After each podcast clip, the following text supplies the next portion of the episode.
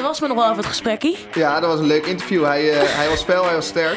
Ja, we zijn allebei denk ik wel goed onder de tafel geluld en aan de brandstapel genageld op een gegeven moment. Ja, maar het, het was, echt, het was echt een leuk interview. Ja, ik vond het ook heel leuk. Denk had veel meer te vertellen over de woningmarkt, over flexwerken, over de hele economie dan ik eigenlijk had verwacht. Ja, maar ook dat woningmarkt is helemaal hun, uh, hun, hun topic. En auto's en zo. Ja, ja daar hebben we over gepraat, maar dat is blijkbaar hun ding. Ja, nee, ik vond het heel interessant. En um, ik vond een stukje over vaccins ook wel heel, heel frappant. Ja, dat hij gewoon niet wist wat zijn eigen achterban nou dacht over. Ja, ja. Maar of hij zelf het vaccin wilde nemen, dat was wel een leuke vraag. Ja, je hoort het allemaal in ons interview met Farid Azarkan.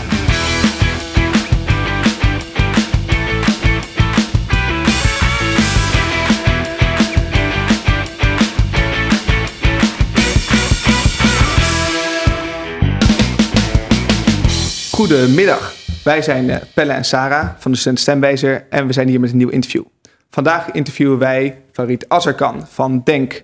DENK is een partij die in 2015 is afgesplitst van de PvdA uh, eh, naar aanleiding van een integratiedebat.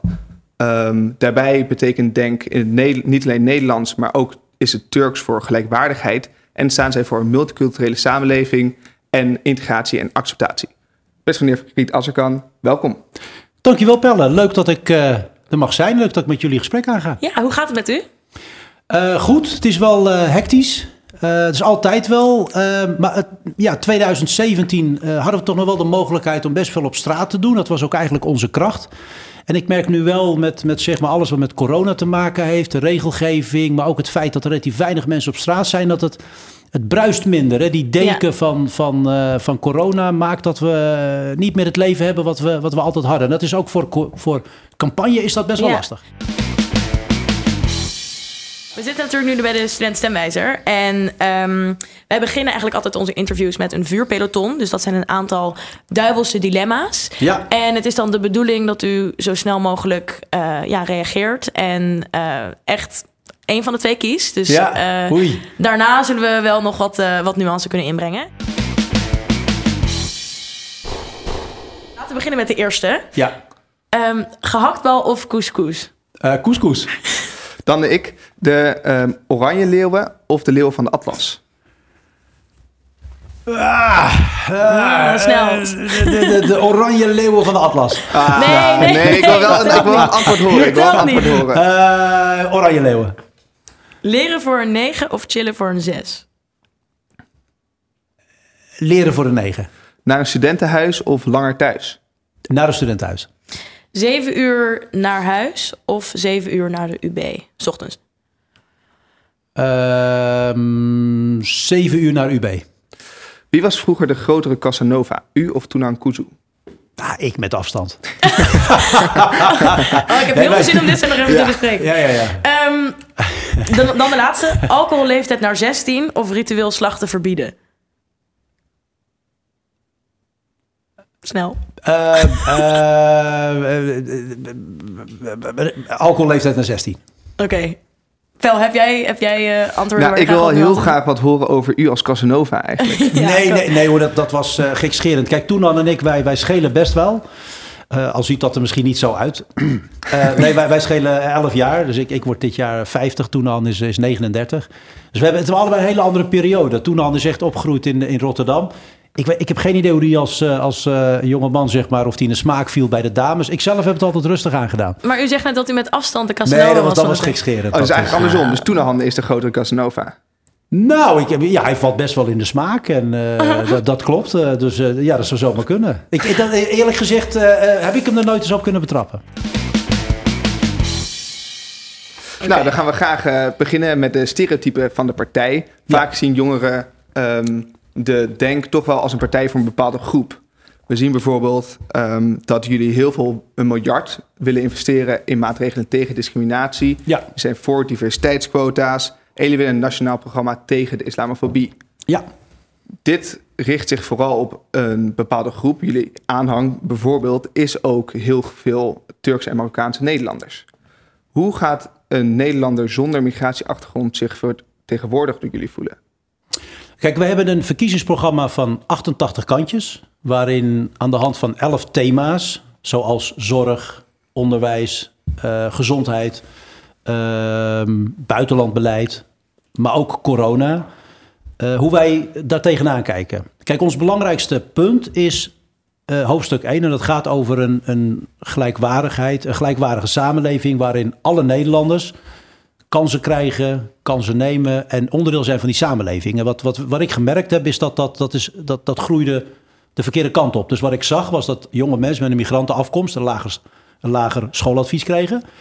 Ik heb gemerkt dat uh, in, het, in het onderwijs, of sorry, in, op de arbeidsmarkt gediscrimineerd wordt. dus als je, ze hebben liever Mohammed dan Mark. Ze hebben liever Mark dan Mohammed, zo heet dat onderzoek ook. Andersom hoeft ook niet hoor. Uh, maar je ziet dus ook dat er, uh, zeg maar, het krijgen van een woning is veel ingewikkelder. 90% van de makelaars is beleid te discrimineren. Dus voor ons is dat, dat, dat eerste hoofdstuk, daar, daar, daar staat echt heel belangrijk wat, wat wij vinden en waar we naar streven. Maar natuurlijk is het zo dat wij over een heleboel andere punten ook ideeën hebben. Over woningbouw, over zorg nogmaals en over andere thema's. Als jongeren zich herkennen in die gelijkwaardigheid, en dat zijn er best wel wat, uh, maar vervolgens ook zien dat onze ideeën op die andere thema's ook interessant zijn, ja, dan kunnen ze op ons stemmen. En wat wij ook hebben gedaan als serieuze partij in die Tweede Kamer, we hebben onze plannen laten doorrekenen op Centraal Planbureau. Mm Dus we hebben ook gekeken of het haalbaar is. Wat doet het met, met de economische situatie in Nederland, met de groei, met de banen, met de houdbaarheid mhm. van de staatsschuld. Uh, is het überhaupt te financieren? Dus dat hebben we heel netjes gedaan. Daar ben ik ook trots op. Dat is ongelooflijk veel werk voor een kleine partij. Uh, en als mensen zich daarin herkennen, dan zijn ze eh, van harte welkom op onze stemmen. Ja, laten we het dan ook eventjes hebben over um, over corona. Eigenlijk de eerste golf, um, uh, ja, waar, waar ook studenten het nu heel erg moeilijk mee hebben. Zeker, ja. Um, absoluut. We zitten nu al eigenlijk een jaar in deze, in, ja, eigenlijk in de put. Een rot situatie. Precies. Denk is tegen de avondklok. Ja. maar als we kijken naar wat we nou realistisch kunnen bewerkstelligen, zeg maar, zitten, jullie zitten natuurlijk wel in de oppositie. Ja. Dus hoe kunnen we er nou voor zorgen dat, dat jullie kritiek en jullie uh, ja, standpunten wat betreft coronabeleid toch gehoord worden door het kabinet. En dat het niet alleen maar schreeuwen is vanaf de oppositie zijlijn. Nou, kijk, ik, ik vind dat je zeker in corona kun je niet zeggen het is schreeuwen vanaf de zijlijn. We hebben natuurlijk vanaf maart vorig jaar hebben we debatten gedaan. En de eerste uh, twee, drie maanden deden we alleen nog maar corona-debatten. Alle andere debatten werden niet meer gevoerd. Ja.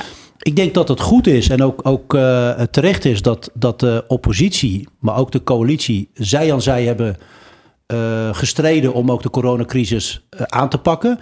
We hadden toen weinig informatie. Dus dat betekende dat je best wel lastig kritiek kon hebben. Omdat ja, er ontstaat iets wat we nog nooit gedaan hebben. een grote crisis. informatieachterstand voor de oppositie. Wij kregen vaak dan een dag van tevoren mm 80 kantjes met informatie. Op de dag zelf hadden we het OMT of hadden we het, uh, uh, het OMT, de voorzitter van Dissel, die dan ons bijpraten. En dan moeten wij twee uur later moeten wij gaan vertellen wat wij ervan vinden. Dat is best ingewikkeld. Mhm. Ik denk dat het goed is dat we dat constructief gedaan hebben. Wat je wel ziet, is net wat je zelf ook aangeeft. We zijn inmiddels een jaar verder. En we zien dat een aantal maatregelen door het kabinet gewoon echt heel slecht zijn uitgevoerd of te laat zijn genomen. Wat ik gemerkt heb is dat een aantal voorstellen van Denk worden vaak twee, drie weken later aangenomen. Wij hebben eerder gezegd, je kunt kappers, uh, mensen die contactberoepen hebben, kun je met maatregelen echt heel veilig uh, kun je dat laten uitvoeren. Zonder dat je gewoon kappers thuis laat zitten. Dat is gewoon helemaal niet nodig. Rijschoolhouders kunnen met voorzieningen gewoon hun brood verdienen. Als je dat niet doet, dan zijn die mensen ook een ondernemersvreugde kwijt. Dat is echt heel vervelend, zitten ze thuis. Maar tweede is, het kost ook belastinggeld, want we willen dat wel mhm. compenseren. Dus waar wij naar kijken is, wat zijn nou maatregelen waar je, waar je, die, die je kunt, kunt nemen zonder dat dat nou een hele grote impact heeft. En even over de avondklok. Kijk, die avondklok is er gekomen omdat men zei, die Engelse variant, die is 50% besmettelijker. En, en met, met zo'n 10% uh, uh, winst kunnen we met de avondklok dat tegengaan.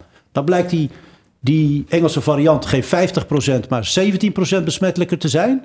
dus dat betekent dat je drie keer een mhm. avondklok niet nodig had. Mm -hmm. Dat even heel, heel simpel uitgelegd. En wij vinden ook, uh, met name voor jongeren. Ik, ik heb zelf kinderen, uh, vier kinderen, waarvan drie van 17, 19, 21. Twee studeren er, eentje op een middelbare school.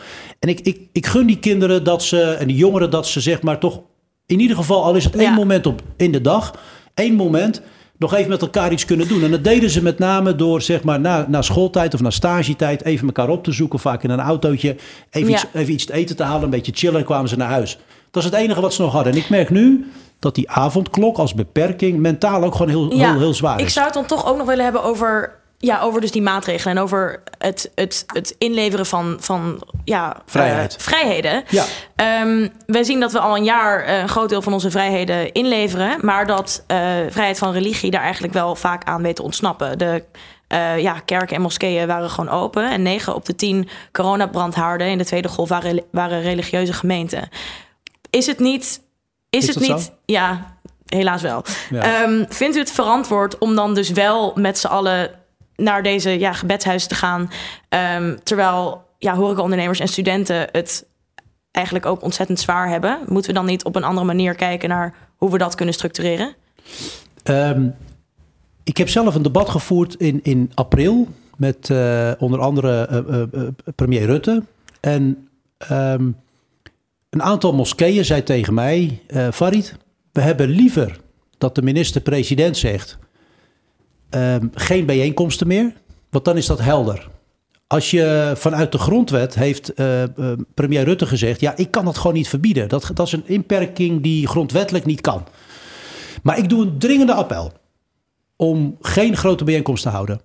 Heel veel moskeeën vonden dat heel prettig, omdat ze het advies van de premier overnamen. Dus wat die deden was: uh, geen 30 mensen, maar gewoon niemand. Dat is veel makkelijker. Mm -hmm. Kijk, als er 200, 300, 500 gelovigen voor die deur staan dan moet je op een gegeven moment zeggen wie laat ik toe en wie niet.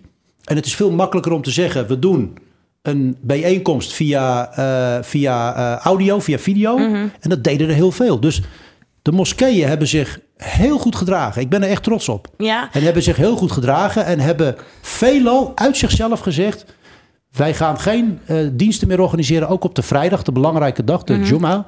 Gaan we gewoon niet doen. En die hebben dat echt goed gedaan. Ik maar, weet dat een aantal kerken daar iets anders tegen aankeken. Maak geen onderscheid. Het mm. is hun recht om dat zo te doen. Uh, maar, maar ik weet in ieder geval vanuit de moskeeën hebben ze dat echt heel verstandig gedaan. Ja, maar vindt u niet dat dit iets, dat dit, um, iets heel conformistisch blootlegt? Dat wij dus uh, vrijheid van religie wel uh, nog, nog weten te, ja, te bewerkstelligen, maar heel veel andere vrijheden niet. Vrijheden die, uh, die worden ingeperkt door bijvoorbeeld de avondklok of door ja, ook universiteiten te sluiten en eigenlijk heel veel mogelijkheden tot samen, uh, ja, tot vereniging gewoon onmogelijk maken. Wat, wat, wat zou Denk daarover zeggen? Ik, denk dat, dat solidariteit tussen groepen mensen belangrijk is. Dus ik zou, ik, en daarom had ik ook dat gesprek met, met premier Rutte, omdat ik het ook belangrijk vond dat niet alleen mensen van mij horen dat ze zich heel goed moeten houden aan die regels en ook een bijdrage moeten leveren. En dus in die zin, nogmaals, hebben echt een aantal moskeeën gezegd: wij gaan iets verder dan het advies. Zelfs die 30 gaan wij niet doen, omdat je het gewoon niet kunt verbieden. Dat is grondwettelijk. Grondwettelijk is dat gewoon een heel sterk recht. En wat je niet in moet komen, is dat daarover geprocedeerd gaat worden. Dat wilde in ieder geval Rutte ook vermijden. Dus vandaar dat hij dat gewoon niet kon verbieden. Um, kijk, ik, ik zelf vind het belangrijk dat je wel solidair bent met, met elkaar. En, en dus snap ik ook wel dat er mensen zijn die zeggen van ja. En het kan niet zo zijn dat die kerken nog uh, kerkdiensten openen. We zagen op een gegeven moment zelfs uh, CDA-minister Ank Bijleveld dat bezoeken. Um, en, en, het kan, ja, en, en dan zitten wij hier binnen en dan zitten wij al negen maanden naar een scherm te turen. En dat is dan de vrijheid die wij hebben. Mm -hmm. Ja, ik, ik, ik, ik voel daar wel wat voor. Dus ik vind dat het in samenhang moet. Echter is het wel zo dat die vrijheid van religie, die is natuurlijk wel heel erg ook in die, in die grondwet verankerd.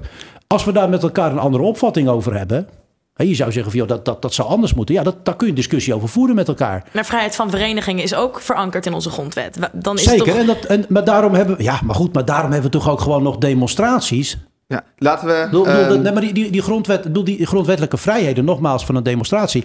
Ja, ik, ik zag, ik bedoel, ik heb demonstraties gezien op het Museumplein in Amsterdam. Ik dacht van, nou, dat is niet verantwoord. Dat moeten we gewoon niet doen. Ja. En, en toch vecht dat dan toch een beetje tegen, ja, is dat dan nog verantwoord? Of moet je als burgemeester zeggen, ik tref een noodmaatregel en ik, ik zeg gewoon vanuit openbare orde en veiligheid en vanuit gezondheid sta ik dat niet meer toe. Maar ja, dat hadden ze ook bij de kerken kunnen doen. Het liefste zien we natuurlijk de kerken, ja. moskeeën vol festivals Zeker. vol. Ja, daar gaan we natuurlijk vanuit. Ja, er is genoeg ruimte voor en iedereen er is in Nederland. een oplossing, het vaccin. Ja. We zijn steeds meer aan het vaccineren. U bent over een tijdje aan de beurt. Ja. Neemt u het vaccin dan? Nou, dat zei ik, dat zei ik uh, gisteren. Ik denk het wel. Ik denk het wel. Ik kijk dat nog wel even aan. Maar ik heb, er, ik, ik heb vertrouwen in de wetenschap. Uh, ik ben zelf uh, gevaccineerd. En toen ik in Nederland kwam wonen als achtjarige jongen kreeg ik versneld. Ik weet niet of jullie dat gekregen hebben. Dat heette DKTP. Ja, Difterie, kinkhoest, polio. Hoe heet dat ook weer? Dat noemen ze altijd de cola-prik, toch? Of niet? Ja, ja, zo, ja, ja, ja, en, en, als je naar het buitenland wil, ik ben vorig jaar ben ik, uh, twee jaar geleden ben ik in, uh, in, in uh, Suriname geweest. Ja, dan, dan heb je ook een aantal voorschriften als je naar bepaalde steden. Dus eigenlijk is, is het heel normaal. En toch, toch uh, merk ik ook wel dat mensen in de samenleving zijn die denken van ja, dat, dat corona, dat voelt toch anders. Ja, maar het is natuurlijk ook anders, hè? Dat, dat vaccin is, dat is compleet revolutionair. Ja, waarom is dat zo? Nou ja, dat is, het, is een heel, het, is een, het is een nieuw ontwikkeld vaccin. Zeg maar. Dat is ook de reden dat we deze vraag stellen. Van, het is niet zomaar iets wat al, wat al 30 jaar op de markt is natuurlijk. Hè? Zoals heel veel andere vaccins. Nee, nee kijk, kijk, ik heb begrepen. Ik heb een collega die, eh, die heeft veel verstand van infectieziektes. Ze is erop gepromoveerd. Dus ik luister heel goed naar haar. Uh, dokter Sharifa Zamouri, nummer 5 bij ons op de, op de kandidatenlijst. Uh, en ik volg haar en zij zegt wat er, wat er in korte tijd gebeurd is, is echt, is echt ongekend. Mm -hmm. Er is echt in hele korte tijd zoveel werk verzet. Waardoor je eigenlijk dat vaccin hebt. En sommigen dachten dat gaat nog veel langer duren.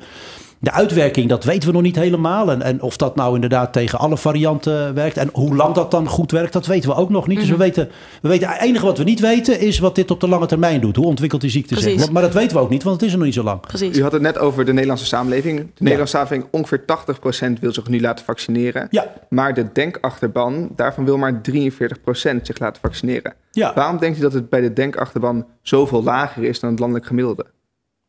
Uh, dat weet ik echt niet. Ik, ik hoor nu voor het eerst het cijfer van 43 procent. Uh, ik spreek best veel mensen op straat die mij aanklampen. En dat is dan niet typisch, hè? De, de denkachterban. Ik was vorige week in Zwolle. Toen kwam, kwam er iemand die stond mij echt op te wachten. Dat was een, uh, ja, een echte FVD'er. En die, die zei, ja...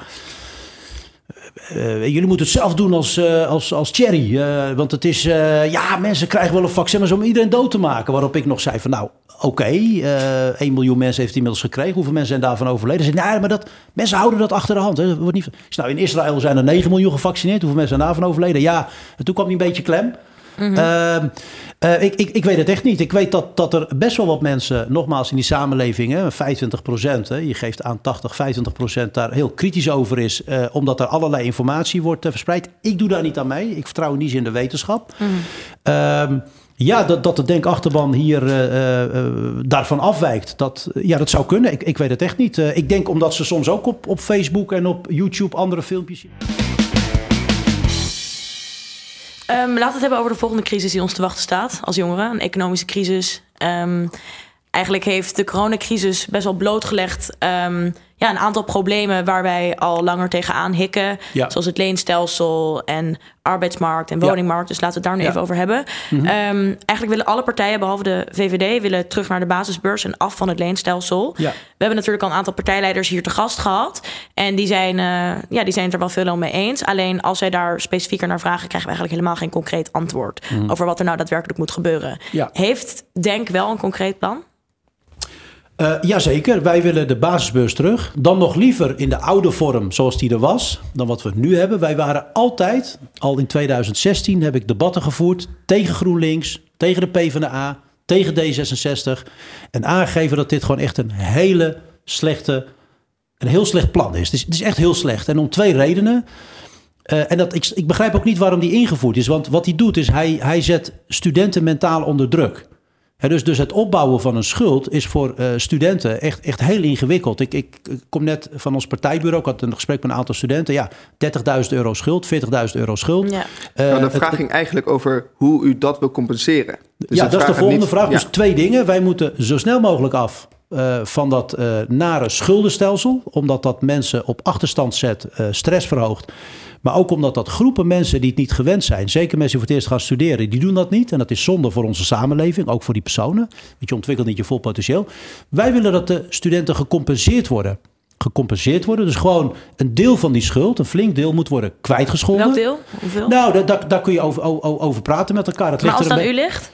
Nou, dat, dat, je zou kunnen kijken bijvoorbeeld naar het deel wat je normaal onder een, een uh, studiebeurs, onder een basisbeurs had gekregen. Dat, dat zou je eruit kunnen halen. En zeggen van, joh, als je nou uitrekent en het is ongeveer 250 tot 300 euro per maand, dan zou je dat kunnen optellen en zeggen, joh, dat ja, gaan we hier gewoon kwijtschelden. kracht. Ja, en we hebben, dat, we hebben onze plan ook echt laten doorrekenen. Hè. Dus, dus zeg maar de afschaffing, hoe gaan we dat betalen, waar komt het dan vandaan, et cetera. Mm -hmm. Uh, dat zit ook in ons, uh, in, in ons uh, verkiezingsprogramma. Oké, okay, dus om het even samen te vatten, voor de leenstelselgeneratie van 2015 tot 2000, dat is het 2021, wordt dat met terugwerkende kracht teruggestort op je rekening. Dat is het idee, ja. En voor de komende generatie, dus degene die. Dan, basisbeurs terug. Basisbeurs terug. Zeker. Van hoeveel per maand zou dat dan zijn? Ja, ik denk, wat, wat we hadden, thuiswonend uh, zo tussen de 250 en de 300 euro, uitwonend uh, rond de 450, uh, 500 euro. Klinkt goed. Dus iedereen eens? Ja. Nou, ik, ik ben er wel bij. Kijk, hey. over, dan hebben we het over de huisvesting. Ja. Want de huisvesting is nog best wel een probleem. Nou, dat, Voor dat, nu is het probleem, ongekend. zeker wonen in Amsterdam, extreem duur. Maar ja. straks, als je dan een baantje hebt, dan moet ik ook bl gewoon blijven huren. Want ja. er is geen één startersloon met waar, met waar ik eigenlijk een huis kan kopen. Ja. Hoe gaat Denk dit oplossen? Ik, ik heb, uh, een jaar of tien geleden heb ik me er echt over verbaasd... dat wij elk jaar rapporteren dat studenten geen woningen kunnen vinden. Als er nou één ding constant is, is echt heel raar. Ik, ik, heb er, ik, ik was toen, uh, ik was toen uh, werkzaam bij het ministerie van uh, From. Ja. en ik was verantwoordelijk voor de gebouwen van de Rijksoverheid, althans de strategie. Ik was directeur vastgoed. En ik heb toen echt met een paar collega's gezegd... Joh, hoe kan het nou dat we onze studenten dat aandoen? Waarom krijgen we dit probleem niet structureel opgelost? Mm -hmm. ik, was, ik, ik was daar oprecht verbaasd ja. over. Dat was niet mijn, mijn, mijn uh, belangrijkste aandacht. Want ik, ik hield me bezig met de grote kantoren, de gevangenissen, de paleizen, zeg maar even. De overheidsgebouwen. Maar ik was wel bezig met die... En ik, ik, ik, ik, ja, waarom doen we dat? Hè? Waarom duwen we jonge mensen in de handen van huisjesmelkers, betalen zich helemaal blauw, wonen soms op drie vierkante meter? Nou, uh, dat schiet niet op. Kijk, ik heb in de afgelopen jaren, het, het, de woningnood is gegroeid in de afgelopen jaren. En eigenlijk heeft het, het afgelopen kabinet daar echt te weinig aan gedaan. Ik vind dat echt een van de punten waarvan ik, uh, Ollongren van D66, dat neem ik haar echt kwalijk. Mm. Nu zie je dat we zover zijn dat we, als we het probleem als het klein is niet aanpakken, dan gaan we pas acteren als het een enorme crisis is. Dus nou worden hele grote woorden gebruikt. Het is een wooncrisis, het is een, een, een nou ja, het, het drama, het is meeste, het is, het is ontzettend groot. Ja. Wij hebben in ons verkiezingsprogramma staan. Uh, 1 miljoen woningen moeten er gebouwd worden. De overheid moet regie gaan nemen. Die moet het niet meer overlaten aan gemeentes. Gemeentes maken soms de verkeerde afweging. Uh, en dat betekent dat gemeentes die moeten gewoon opgedragen krijgen vanuit de overheid, centraal, een minister voor volkshuisvesting. En daar hoort ook studentenhuisvesting bij. Is dit is planmatig wat we gaan doen. De komende tien jaar die woningen worden gebouwd. Daarvoor is wel nodig dat er natuurlijk uh, dat die gemeenten samenwerken. En om dat ook te, te, te wat soepeler te mm. laten maken, hebben wij in ons verkiezingsprogramma een miljard euro uitgetrokken. Voor projecten waarvan de gemeente zegt: ja, maar dat, dat kan net niet rondkomen. Dus je, je, je krijgt hem niet voor, rond. voor woningbouw. Voor woningbouw. Ja, 1 miljard euro voor als, als zeg maar een soort um, aanjaag om projecten waarvan je zegt van ja, de, de, de, je moet daar hele moeilijke voorzieningen treffen. Of je moet binnenstedelijk bouwen, wat vaak duurder is. Uh, en, en dus is dat te ingewikkeld. Uh, en, en, of op locaties waar het wat ingewikkelder is. En daar moet even geld bij. Mm -hmm. Nou, dan hebben wij daar een miljard voor uitgetrokken. Ja. Als het gaat om de woningen, vinden wij ook dat er echt... Er moet diverser ge gebouwd worden. Je ziet dat er best veel mensen uh, met z'n tweeën zijn... en eigenlijk veel te groot wonen. En die zouden best wat compacter kunnen wonen. Maar dan moet dat aanbod er ook wel zijn. En je Mm. kunt ook best wel op een... Dus ik vind dat we in Nederland veelal heel traditioneel bouwen. Je moet met z'n allen kleiner gaan wonen. Nou, maar, maar, maar als je, als, je, als, je uh, als, als, als student, dan, dan zou je met 25 vierkante meter wat zelfstandig kunnen bouwen. Zou, zou prima kunnen. Maar, maar dan zou je er twee van hebben als je met z'n tweeën bent. En dat zou je er vier van kunnen hebben als je er kinderen bij krijgt. Uh, en zo kun je zeg maar. Dus ik, ik vind dat je veel meer op de, op de wooncarrière. Mm. En nu is het, is het, vind ik, heel eenzijdig. Dat, dat, dat zegt. Um, nog een probleem waar, uh, waar veel studenten tegenaan lopen, en veel jongeren, uh, zijn de flexcontracten in Nederland. Ja. Nederland is het grootste ja. flexland van de Europese Unie. Zeker, 2 miljoen um, flexcontracten. Precies. En uh, ja, toen wij jullie verkiezingsprogramma lazen, lazen we ook wel echt dat, dat jullie dat probleem erkennen. Jullie geven zelf aan dat grote groepen Nederlanders worden ingezet als de klapstoeltjes van de Nederlandse economie. Zeker. Om even in die beeldspraak te blijven, hoe ja. zorgen we ervoor dat deze groep Nederlands weer comfortabele Chesterfield-banken worden? Nou ja, door, door uh, uh, door mensen die nu een flexibel contract hebben echt meer rechten te geven. Dus daar moeten we echt mee stoppen. Door schijnconstructies bijvoorbeeld van een ZZP'ers... waarbij het eigenlijk een soort verkapte uh, bezuiniging is. Hè? Mensen die er helemaal niet voor kiezen. Uh, bezorgers of uh, postbodes die gewoon... Die bedrijven willen minder risico nemen... en die dwingen mensen om dan soort zelfstandig te worden. En je ziet eigenlijk dat misschien wel de helft van de zelfstandigen... dat helemaal niet wil. Die willen gewoon zekerheid. Mm -hmm. Maar dus hoe dat, gaan jullie dat concreet veranderen? Nou ja, dat betekent in de regelgeving dat we dat gaan aanpassen. Dus we vinden dat we doorgeschoten zijn als het gaat om uh, sociale zekerheid. Dat moet, dat moet echt terug. Dat betekent dat mensen meer rechten gaan krijgen... zodat ze een serieus contract kunnen krijgen. Niet eindeloos uh, kunnen worden uh, ingehuurd op, op uh, externe contracten. Dat ze tijdelijk worden, worden aangesteld. Vervolgens met een draaidoorconstructie twee, drie maanden eruit en dan weer. Dus wij willen meer zekerheid geven. Mm -hmm. Uh, dat zal ervoor zorgen dat in ieder geval die 2 miljoen mensen die nu heel pijnlijk merkt hoe belangrijk zekerheid is en hoe de coronacrisis hun treft, dat die echt meer, dat die echt meer rechten krijgen. Maar wat, wat bedoelt u met die rechten? Wordt het dan, van, wordt het dan aan, aan werkgevers verplicht om een vast contract aan te kunnen bieden? Of hoe, hoe, ziet, dat, hoe ziet u dat zeg maar, concreet voor zich? Nou ja, je, je, kunt, je kunt denken aan dat zeg maar, op dit moment de, de regelgeving zo is dat je uh, vaak nog een tijdelijk contract geeft. Dat kun je beperken. Tweede is, is dat je zeg maar, schijnconstructies waarbij uh, uh, mensen worden ingehuurd volgens een ZZP-constructie. Als blijkt dat dat gewoon eigenlijk helemaal geen sprake is van, van ondernemerschap, dat je dat gewoon verbiedt. Dat dat gewoon niet kan. Dus mensen moeten gewoon in dienst worden genomen. Uh, en, en, en, en, dat zijn in ieder geval uh, voorbeelden, zeg maar, waarmee je mensen gewoon meer zekerheid geeft. Want uiteindelijk wil gewoon iedereen. Ja, uiteindelijk wil iedereen. Maar hoe, hoe gaat u dat checken? Nou, hoe gaan we dat checken? Kijk, we zien op dit moment dat we echt doorgeslagen zijn. Ik kan me best voorstellen dat, er, dat mensen die flexibiliteit prettig vinden en dat ze daarmee ook meer, inkomen, kun, ook meer inkomen kunnen genereren. De praktijk is dat we echt doorgeschoten zijn. Uh, er zijn natuurlijk verschillende onderzoeken naar gedaan. Ja, maar dat, dat is ook het probleem. Ja, nou, dat, dat moet je dus bijhouden. Dus, dus kijk, als nu blijkt dat 2 miljoen uh, mensen, dan, dan we wisten dat eigenlijk helemaal niet. He, dus we weten nu pas dat die flexibiliteit zo ver doorgeschoten is dat eigenlijk mensen heel kwetsbaar zijn en, en ook uh, ja, vaak tegen hun zin in die flexcontracten ja. hebben. Nee, dat is, dat is ook het hele Omdat probleem. We dat kunnen nu... doen. Dus, dus moet je sneller mensen in dienst ja. kunnen nemen. Je moet sneller mensen een vast contract kunnen geven. Mm -hmm. En je moet rare constructies waarbij het lijkt alsof mensen nogmaals vanuit zichzelf uh, ja. zelfstandig willen zijn ondernemerschap, moet je gewoon, moet je gewoon verbieden. Dus dat, dat bijvoorbeeld als het gaat om zo'n zo'n uh, ja, zo'n zaak als Uber. He, die heeft bijna, die, die, die, doet zelf, die zegt ja, wij zijn een platform, uh, Uber iets. En die mensen die, die hebben vrijwel geen rechten. Die, zitten, ja. die, die, die worden bijna met stukloon betaald. En dat noemen ze dan zelfstandig. Ja. Moet gewoon mee stoppen. Die mensen moet je gewoon in dienst nemen. Ja. Moeten gewoon zekerheid hebben. Laten we nog doorgaan naar uh, het, het, grotere macro-economische plaatje. Ja. Um, namelijk de staatsschuld. Ja.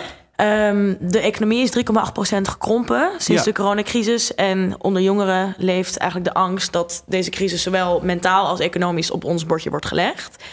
Um, de discussie die ook nu wel veel plaatsvindt gaat over solidariteit. Ja. Moet solidariteit nou altijd van jongeren naar ouderen komen en nooit andersom? Vindt u dat, zeg maar, wat, wat, is, wat is uw sentiment daarbij? Nou, nee, dat, ik, ik vind niet. Solidariteit gaat altijd twee kanten op. Dus dat betekent dat, uh, uh, dat we dat in evenwicht moeten doen. Dat van alle Nederlanders in een beetje dezelfde mate een bijdrage wordt gevraagd. Uh, dat betekent dat ouderen het niet, niet, niet heel veel beter moeten hebben dan jongeren. Dus wij kijken ook niet van onze plannen naar hoe ontwikkelt die koopkracht mm -hmm. zich. Um, even staatsschuldtechnisch. Um, het is prima dat wij een staatsschuld hebben van, van 70, 80, 90 procent. Dat is echt geen enkel, dat is echt geen enkel probleem. Dat is, dat is heel betaalbaar. Wat, wat, wat ik zeg is, uh, we hebben een uitzonderlijke situatie waarbij we nu uit onze reserves moeten putten omdat we banen willen redden, omdat we bedrijven willen redden. Het alternatief is slechter. Namelijk dat die mensen straks zich melden bij een UWV of een uitkering mm -hmm. krijgen en we bedrijven kapot maken. Dus het alternatief is slechter dan dat we nu die bedrijven helpen. Dat kost wel geld. Maar en wie dat, gaat dat betalen? Wij zijn, zeg maar, veel jongeren zijn heel. Ja, maar dat, dat kun je. Dat, ja, maar dat, dat is echt dat is broekzak, vestzak. Want dat kun je. Kijk, het alternatief is veel slechter. Hè? Dus, dus ik heb bijvoorbeeld in 2012 gemerkt, hè, na de crisis van 2008, is ik, ik was toen uh, zelf werkzaam als ambtenaar. En toen kreeg ik van mijn, uh, laat ik zeggen, van mijn uh, meerdere te horen. Ja, er mag niemand aangenomen worden. Ja, dat vond ik, vond ik heel raar, want ik zat er ja, wat er gebeurde was dat uh, jongeren gingen langer studeren. Hè, dus jongeren uh, deden vaak dan nog een studie erachteraan. Een, een bachelor werd een master of nog een studie erbij. Mm-hmm. Maar dat kun je ook nog maar twee jaar doen. En dan komt toch weer die, die, die bubs, komt dan toch weer die markt op. Ja? Ik heb toen gezegd, van, ja, ik ga wel jonge mensen aannemen. Dat heb ik eigenlijk tegen het beleid ingedaan.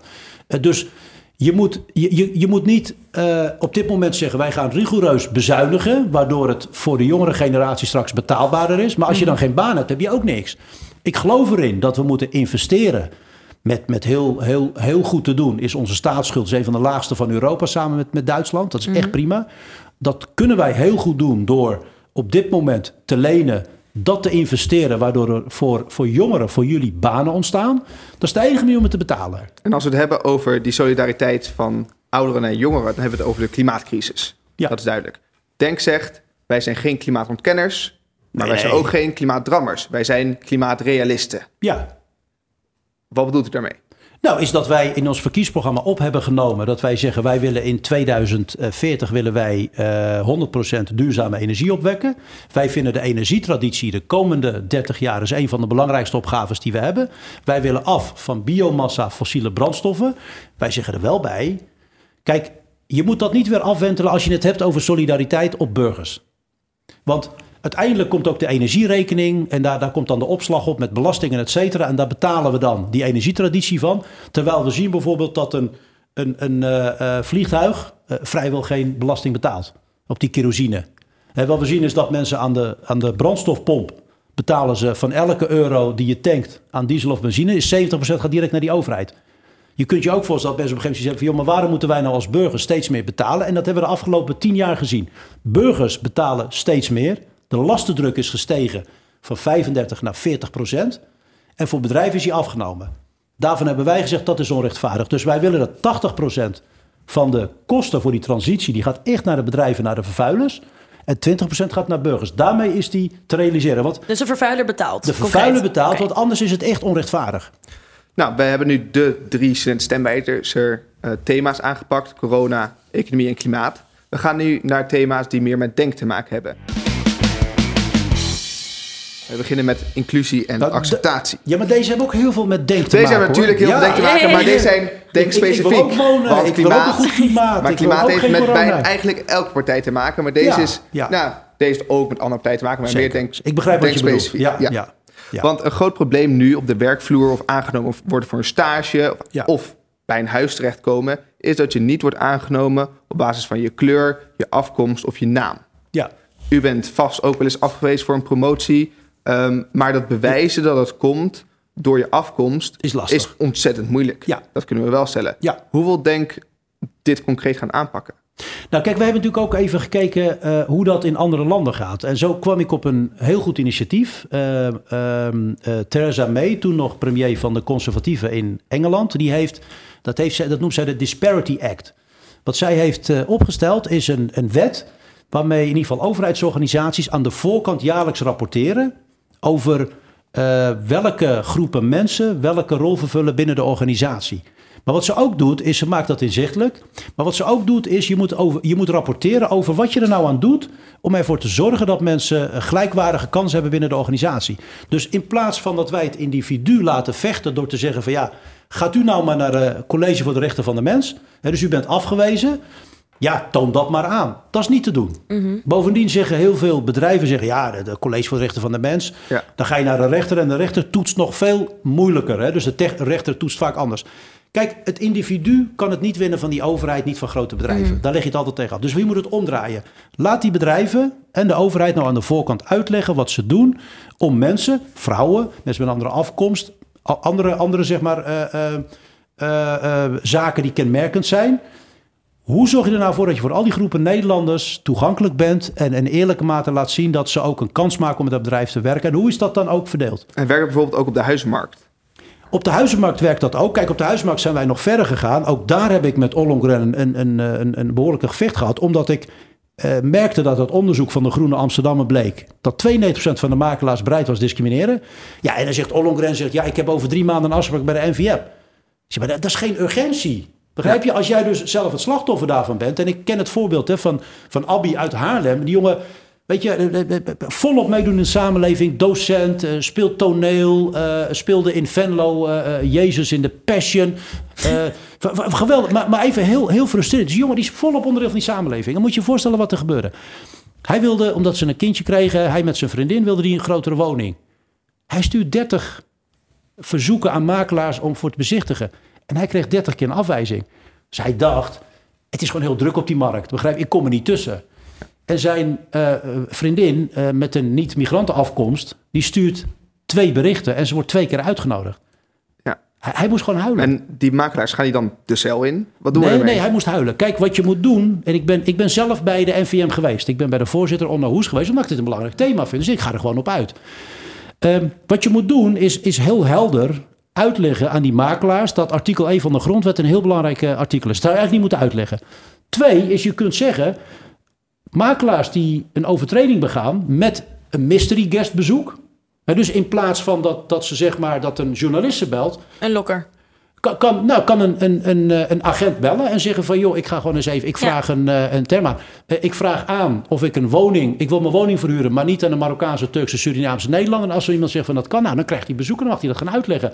Daar kun je, voor, daar kun je strafrechtelijk voor veroordeeld worden. Dat kan, ja. zeker, op termijn. Het gaat ook over voorlichting. Um, en en uh, kijk, jij, jij noemt dat dan van, hè, wij hebben dat in het programma staan. Hè, wij zeggen, joh, uh, racistenlokkers. Ik weet dat dat klinkt niet lekker. Maar we hebben, we hebben uh, natuurlijk een narcotica-brigade. Waarom? Omdat drugs een hele aparte specialisme is. Dat hebben we gedaan. We hebben zelfs de, de dierenpolitie gehad, hè, ook 500 agenten, omdat we dat belangrijk vonden. Dat was een mm-hmm. afspraak in het, in het kabinet. we kennen natuurlijk zedenpolitie omdat dat een hele specifieke aanpak is. Ja, waarom zou je dat niet doen met racisme en discriminatie? Omdat nogmaals, het Sociaal Cultureel Planbureau laat zien dat er 3,7 miljoen Nederlanders zijn die daar in meer of mindere mate mee te maken hebben. Dus het is echt een serieus probleem en daar moeten we korte metten mee maken. Ja, want van racisme en discriminatie gaan we naar integratie en inclusie. Jullie ja. zeggen we willen afstappen van integratie ja. en naar inclusie. Ja. Wat houdt dat in? Nou, je, je houdt, dat houdt in. Ja, je, je kijkt er ja. heel lastig bij. Ja, ik vind het, het, het klinkt hetzelfde. Het voelt ergens... Uh, ik snap het verschil niet echt. Nee, dat, is het probleem. Nee, dat... dat, dat kijk, uh, dat begrijp ik. Want ik denk dat voor jou... Uh, Nederland is voor jou redelijk warm bad. Ja, je wordt niet dat, kan, dat kan ik zeggen. Ik, uh, ik ben geen minderheid. Nee, ja, als, geen, jij, als jij zeg maar, als, als, jij zeg maar uh, staat te pinnen en er staat een, een, oude vrouw bij je, die gaat niet specifiek naar jou kijken van goh. Uh, nee, die vraagt: kunt u me helpen, jongen? Ja, ja, ja, ja. ja. ja en, en ik denk dat jij op je achternaam zelden wordt afgewezen, denk ik. Niet vaak. Nee, dat nee, zal niet gebeuren. Nee. En toch zijn er groepen Nederlanders die dat wel ervaren. Ja. En wat je volgens mij moet doen, is een, een, een cultuur creëren waarbij je een inclusieve uh, uh, een inclusieve sfeer creëert. Is dat mensen met een andere afkomst onderdeel zijn van die samenleving. Dus je moet niet alleen. Je maar moet... dat is toch precies wat er gebeurt met integratie, of niet? Nee, nee, dat is niet wat er gebeurt met integratie. Nee, nee, maar, maar dan, kijk, het kan best zijn dat we, dat we de definitie van integratie. Maar kunt u dat dan uitleggen? Kunt... Nee, kijk, integratie wordt heel vaak uh, misbruikt om eigenlijk aan te geven dat groepen burgers niet deugen. Dus, dus wat er gebeurd is op het moment dat er een incident is, op het moment dat er iets is, dan zeggen we ja heeft te maken met integratie, zijn niet geïntegreerd. dus als er, als er in Urk, uh, zeg ik even, avond na avond rellen zijn, is er niemand die zegt, nou, de integratie is mislukt. Als dat in de Schilderswijk gebeurt, is dat wel zo. Wat ik probeer aan te geven is dat gedrag van mensen niet te herleiden is tot afkomst. En dus moet je stoppen om elke keer integratie erbij te halen, want die mensen zijn hier geboren. Dat is geen integratie. Als jij hier geboren bent en je hebt hier onderwijs genoten en jij zoekt je plek in die samenleving en ik zeg van ja, je bent niet goed geïntegreerd. Dat is toch een raar concept? Ja, maar met, met wat, wat, die, wat die persoon nodig heeft, is dat hij zich welkom voelt. Dat hij een minister-president heeft, Rutte, die niet zegt... ja, ik snap het dat er gediscrimineerd wordt, hè, liever, uh, liever Mark dan Mohammed. Dus, dus Mohammed, vecht je maar in. Ja. Is het rechtvaardig als Mohammed zich moet invechten? Maar is... Minister-president moet zeggen... zolang ik minister-president ben van dit land... doe ik er alles aan om ervoor te zorgen dat jij gelijke kansen hebt als Mark. Maar in principe is... Dat is inclusie. Inclusie is dat je onderdeel voelt van die samenleving. Dat je er mag zijn om wie je bent. En dat anderen je niet afwijzen omdat je een andere achternaam hebt, een andere seks of een andere. Maar dat is precies waar Nederlandse integratie voor staat, toch? Als je, als je integratie volgt in Nederland, dan leer je Nederlandse waarden. Wat, is, dat, wat betekent intolerantie voor intolerantie? Waarom zou je daar tegen zijn? Uh, uh, omdat integratie in Nederland dat niet betekent. Integratienota's gaan over het problematiseren van groepen Nederlanders. Kijk, jij bent vrijgesteld van integratie. Dus dat betekent dat elk, elke fout die jij maakt, wordt nooit afgewenteld op uh, jouw identiteit of op jouw kleur of op jouw geslacht. Want jij bent gewoon onderdeel. Jij valt weg tegen de kleur van het behang. Ik niet.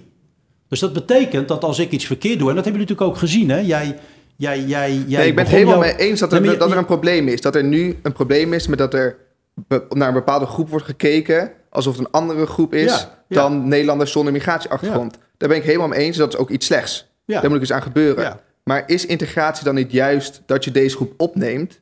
Dus dat je met z'n allen een geheel wordt. Is dat niet integratie dat een bepaalde groep zich dan soms met kleine aanpassingen aanpast... zodat ze perfect bij de grote groep horen en niet dat de grote groep zegt: we accepteren jullie als groep buiten ons. Het is toch veel mooier om, juist zoals u zegt, we zijn allemaal Nederlanders. Dus om dan ook echt dat gevoel te hebben dat we met z'n allen zijn en niet dat we een groep buiten ons accepteren.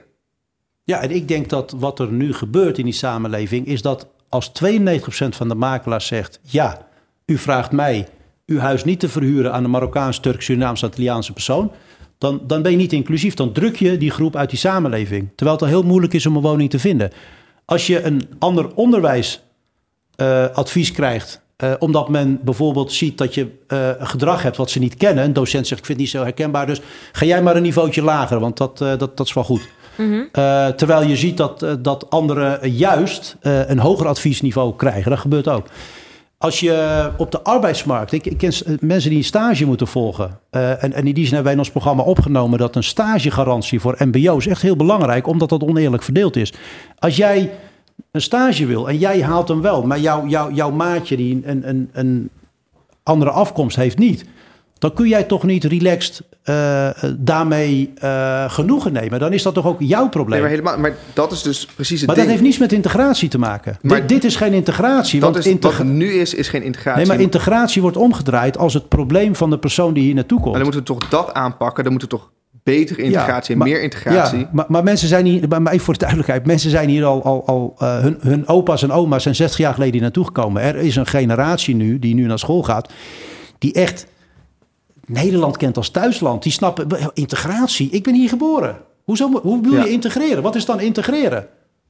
Okay. je? Wat is nou integreren? Ja. Ik, ik, wil graag meedoen. Uh, ik wil ik mijn talenten ontwikkelen. Ja. Het, het, is toch, het, is, het is toch heel raar als je op een gegeven moment als jongen van 12, waarvan de opa's en oma's in de jaren 60 naartoe gekomen, jezelf de vraag moet stellen: joh, ik voel zoveel weerstand en zoveel voordelen in de samenleving. Als een jongen van 12 zichzelf de vraag stelt: kan ik in dit land wel regisseur worden, ja. omdat hij dat graag wil? Dat is, dat, dat, dan kunnen we toch niet met elkaar zeggen dat die samenleving geslaagd is en vervolgens zeggen: ja, die jongen moet anders integreren. Ik vind dat een lastig ja. concept. Ja. ja. Een wat misschien een mooie oplossing zou zijn voor gelijke kans voor iedereen, zou gelijk uh, onderwijs zijn voor iedereen. Um, jullie zeggen zelf in, uh, in het partijprogramma: stop de hetsen tegen islamitisch onderwijs. Ja. En zijn ook uh, ja, voor artikel 23 van de grondwet. Um, maar wat is er nou eigenlijk zo erg aan iedereen in Nederland hetzelfde onderwijs te laten genieten en met z'n allen naar Nederlands openbare middel, ja, basisschool, middelbare school te laten gaan, waarbij gewoon dezelfde normen en waarden en dezelfde Nederlandse gelijke kansen worden geboden? Kijk, die, diezelfde uh, normen en waarden bestaan natuurlijk niet. Uh, mensen hebben op verschillende plekken in de samenleving andere overtuigingen. Hè. Je, had, uh, je had bijvoorbeeld in, in Arnhem-Muiden had je altijd de boeren en de vissers en die, die konden elkaar niet luchten. Hè, dus die hadden altijd discussie. En als je dan als, als, als meisje, boerenmeisje, met, met een vissersjongen kwam, dan had je gewoon, had je gewoon ruzie. Dus er, er is altijd verschil tussen groepen mensen. En 70% van de scholen zijn bijzondere scholen. Die vallen onder die artikel 23. Dus dat betekent dat er zijn 30% van de scholen zijn openbaar, zijn eh, zeg maar even uh, niet bijzonder. Maar je hebt heel veel varianten. Je hebt ouders die vinden het heel belangrijk uh, dat hun kinderen op, op een bijzonder onderwijs zitten. Dat is. Maar dat perkt toch deel. de vrijheid van die kinderen in om hun eigen, om hun eigen uh, ja, ideologie aan te hangen? Dan, dan leg je toch iets aan ze op? Maar, maar zeg jij nou dat als wij aan ouders opleggen dat ze zeg maar niet naar de vrije school kunnen? Dat is dan niet de vrije school. Ja, dus nee, maar, maar, ja, maar goed, de vrije school is een bijzondere school. Ja, de, maar, de vrije school. Ja, ja oké, okay, maar ja. ik heb het dus nu over Nederlands openbaar onderwijs. Ja, maar, maar waarom zou Nederlands openbaar onderwijs nou uh, de standaard moeten zijn? Maar is dat, is dat nou, beter? dan bied je toch eigenlijk de gelijke kansen aan iedereen. Maar die bied je toch overal? Ik, ik was gisteren bij een islamitische school. Uh, een, een, tweetal scholen daarvan scoren gewoon het beste als het gaat om uh, bijvoorbeeld CITO-scores. Het onderwijs is echt fantastisch. En die ouders die zeggen, joh, ik vind het vanuit mijn religieuze identiteit heel belangrijk dat mijn kinderen dat meekrijgen. Maar dat is dan toch steeds, nog steeds niet gelijk? Dat bepaalde scholen dus op een ander niveau onderwijs geven dan andere. Dat wil je toch totaal gelijk trekken, zodat elk nee, kind in Nederland hebben gelijke kans kan Nee, maar dat, dat is echt een, dat is echt een, een, een gekke utopie, want uh, uh, uh, dat is een, een, vreemde aanname. Ik, nogmaals, ik ben, ik ben schoolbestuurder geweest bij de openbare scholen van, van Rotterdam. Alle openbare scholen, hè, van bijzonder onderwijs, uh, speciaal onderwijs tot aan uh, middelbaar onderwijs, gymnasia vielen eronder, et cetera. Wij, wij, hadden binnen die 130 scholen hadden wij uh, ook, ook scholen die gewoon heel zwak waren. Omdat het bestuur soms heel slecht was of omdat er bijzondere omstandigheden waren. Dus er is, er is altijd variatie in de kwaliteit. En dat betekent dat via, via ons inspectie voor het onderwijs heel goed moeten kijken naar hoe kun je nou die kwaliteit goed bewaken? Hoe kun je ervoor zorgen dat alle kinderen kwalitatief goed onderwijs krijgen? Dat vind ik heel belangrijk. Maar ik geef ouders de vrijheid om zelf te bepalen Of ze kiezen voor een openbare school, omdat ik dat, dat, dat, dat kan. De een zegt ik wil openbare school. En de ander zegt ik wil christelijk onderwijs. En de derde zegt ik wil islamitisch onderwijs, want dat past bij mij. En ik zie niet in waarom die verschillen, waarom dat uh, een zwakte zou zijn in plaats nou van een kracht. kijk, als ik nu eventjes een concreet voorbeeld noem, is dat uw eigen, de, de, de oud-fractievoorzitter van uw eigen partij uh, les gaf uit boekjes waarin er, nou ja, op niet vredige wijze met homo's werd omgegaan, bijvoorbeeld. Dat werd daar onderwezen. Dat zijn toch niet de normen en waarden die we hier in dit land accepteren, waarmee we met elkaar omgaan. Dus dan zou je toch juist willen dat we gelijke kansen bieden door eigenlijk iedereen en alle kinderen uh, met dezelfde normen en waarden te laten opgroeien. Ik denk dat het heel goed is dat je, dat je kinderen opgroeit en voorbereidt op een samenleving waar uh, mensen die, die gelijke kansen krijgen, gelijke rechten, et cetera, hebben. Als dat anders wordt onderwezen, ben ik daar echt op tegen. Dus volgens mij is het zo. Collega Koes heeft volgens mij op een weekendschool gezeten. Uh, uh, onderwijs vanuit islamitische leer. Nou, ik, ik merk aan hem totaal niet dat hij dat hij anders is. In die zin snapt hij die samenleving. Maar ik gun hem wel dat hij zijn eigen overtuiging heeft. Voor zover die anders zijn. Hè? Dus ik, die, die ken ik helemaal niet zo goed. Ja. Uh, en ik denk dat de vrijheid om zelf te bepalen of je een religieuze of een andere type onderwijs, vrije school of een openbaar onderwijs, natuurlijk veel verstandiger is om dat wel toe te laten, omdat dat ervoor zorgt dat mensen dan keuzes kunnen maken die bij hun passen. Op die, als er op die scholen wordt onderwezen... Nee, maar, dat, maar daar, ik ben erop tegen, als op, als op scholen wordt onderwezen... dat de ongelijkheid tussen mensen, ben ik daar echt op tegen. Daar ja, ben ik, al, dat, ben ik altijd gebeurt daar wel. Dat gebeurt daar wel. Er, wordt daar, er werd daar gedoseerd aan kinderen... dat, ze niet, uh, dat, ze, dat jongens en meisjes elkaar niet in de ogen aan mochten kijken. Dat, dat, is toch, gewoon, dat is toch gewoon van de gekte? Uh, ik ben er echt op tegen als er uh, op scholen onderwijs wordt, wordt aangeboden... waarbij inderdaad de ongelijkheid tussen mensen uh, wordt uitvergroot, wordt in stand Daar ben ik echt op tegen. Dus dat, daar ben ik altijd geweest. Maar dat, dat faciliteer je wel daarmee? Nee, want, nee maar dan moet, je, dan moet je heel goed kijken. Kijk, dat dat incidenteel op scholen gebeurt, dat dat incidenteel op scholen gebeurt, uh, betekent niet dat alle andere scholen dat ook doen. Kijk, dat is vaak ook een misverstand, is dat als bijvoorbeeld op een school iets geconstateerd wordt, op een islamitische school, uh, iets wat overgeschreven is, moet je dat aanpakken. Als er in een moskee iets gepredikt wordt wat tegen onze grondwet wat tegen onze vrijheden ingaat, dan moet daar op, dat, op die plek moet daar aangepakt worden. Waar ik echt tegen strijd, is dat vervolgens al die scholen over één kan worden geschoren. Heel veel scholen doen het echt fantastisch. En, en die moet je daarin steunen. En ik zie echt werkelijk niet. Geen verschil zie ik in mensen die of een gereformeerde school hebben gedaan, of een christelijke school, of een vrije school. Een Dalton, je hebt echt heel veel verschillen. Mhm. Belangrijk is dat je met z'n allen straks ook in die samenleving meedoet dat je anderen respecteert en de vrijheid geeft die je zelf ook vraagt om jezelf te kunnen zijn. Dat is waar wij voor staan. Dus alle, alle, um, uh, alles wat te maken heeft met zeg maar ongelijkheid of uh, op een andere manier tegenaan, daar sta ik echt heel veel dus van. Dus de slechte appels eruit en de goede Altijd. Laten. Ja, zeker. Dat, ja, ja. En aanpakken op, op gedrag. Ja. zeker. Als mensen over de schreef gaan, aanpakken. Even buurman en buurman. Buurman en buurman. Buurman, wij zeggen uw buurman bij één concrete punten waar is over te twisten, zijn meerdere concrete punten waar Denk verschil van bijeen.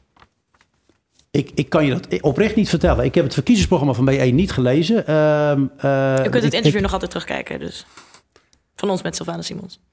Uh, ja, maar, dat, maar dan weet ik toch niet. Nee, dat wil ik heel graag doen, want ik kijk heel graag wat collega's ja. doen.